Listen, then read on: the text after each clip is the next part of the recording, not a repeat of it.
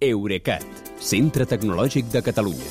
Innovant amb les empreses. Innovant amb tu. Albert Cuesta, bona nit. Bona nit, Kilian. Aquest espai diari d'actualitat tecnològica arriba avui al final. I ho fa amb un número rodó, a més a més. Sis temporades mm. i un total de 1.200 capítols. 1.200. 1.200 clavats. Els trobareu tots a la web del programa i a l'arxiu del podcast, que de fet és com ens han escoltat molts oients.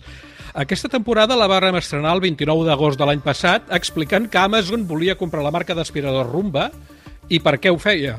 I l'acabem, la temporada, sense que aquesta operació s'hagi formalitzat encara, Mira. i és per les reticències d'alguns reguladors. Mm -hmm.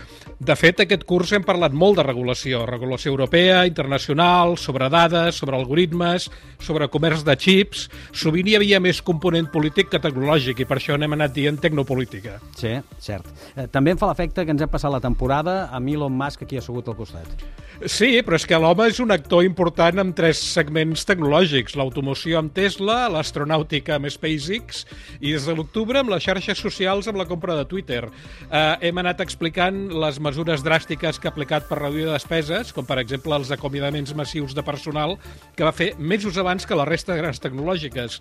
I també els canvis en el funcionament de Twitter, que orientats anaven sobretot a fer rendible la plataforma, però que molts usuaris els han rebut molt malament. I això ha provocat fugides eh, relativament testimonials a altres xarxes com Mastodon, fins que aquest mes el seu rival Mark Zuckerberg ha aprofitat l'ocasió per captar tuitaires descontents i ha obert Threads, que és una còpia de Twitter vinculada a Instagram que tot apunta que serà un èxit. Sembla, sí. L'altre gran protagonista, protagonista global ha estat la intel·ligència artificial, eh? Mentre el metavers es desinflava, si més no fins que Apple va presentar les seves ulleres, eh, la societat i l'economia han agafat consciència del pes dels algoritmes amb el nostre present i amb el nostre futur. Sobretot a primers de desembre, que és quan OpenAI va fer públic el xat GPT i nosaltres aquell dia, el 5 de desembre, ja vam simular aquí un diàleg amb ell. Sí, tant. Des d'aleshores, centenars de milions de persones s'hi han deixat arrossegar, això dels xats, dels chatbots, i jo trobo que d'una manera una mica imprudent. Uh, per no perdre el tren, Google s'ha vist obligada a treure el seu chatbot BART, que ahir va arribar a Europa i aquí ho vam explicar. A banda d'aquests chatbots generalistes, a l'espai hem parlat també d'aplicacions específiques dels algoritmes, uh, molt diverses, com una funció de Google que desxifra la lletra de metge de les receptes, la detecció de piscines no legalitzades que fa el govern francès, una tassa de vàter que analitza l'orina o els usos del reconeixement facial, en uns casos per vigilar les estacions de Rodalies i en altres, amb altres per erradicar les plagues de rates. I el que hem fet molt, molt, i seguirem fent sempre que puguem, és fixar-nos en el català. En el català, en aquest cas, el món digital. Diverses vegades ho han fet per aplaudir-ne els progressos. Per exemple, la incorporació de la nostra llengua a TikTok eh, o a les indicacions de veu de Google Maps o aquella vegada que una empresa es va posar a contractar persones catalanoparlants per entrenar grans algoritmes en català. En canvi, el 20 de desembre vam donar una primícia que jo crec que ens hauríem preferit estalviar-nos, que és que el cercador de Google va començar a penalitzar les pàgines web en català en favor de les versions en espanyol. Uh, aquell problema continua, però si més no, uh, amb aquest temps s'ha constituït una aliança entre 10 grans entitats que vetllen per la nostra llengua que col·labora amb el govern per, diguem-ne, ajudar els cercadors a rectificar la doncs, malifeta. Mira, te'n diré una altra que ens podríem haver estudiat, que és aquests ciberatacs a institucions sanitàries del país, eh?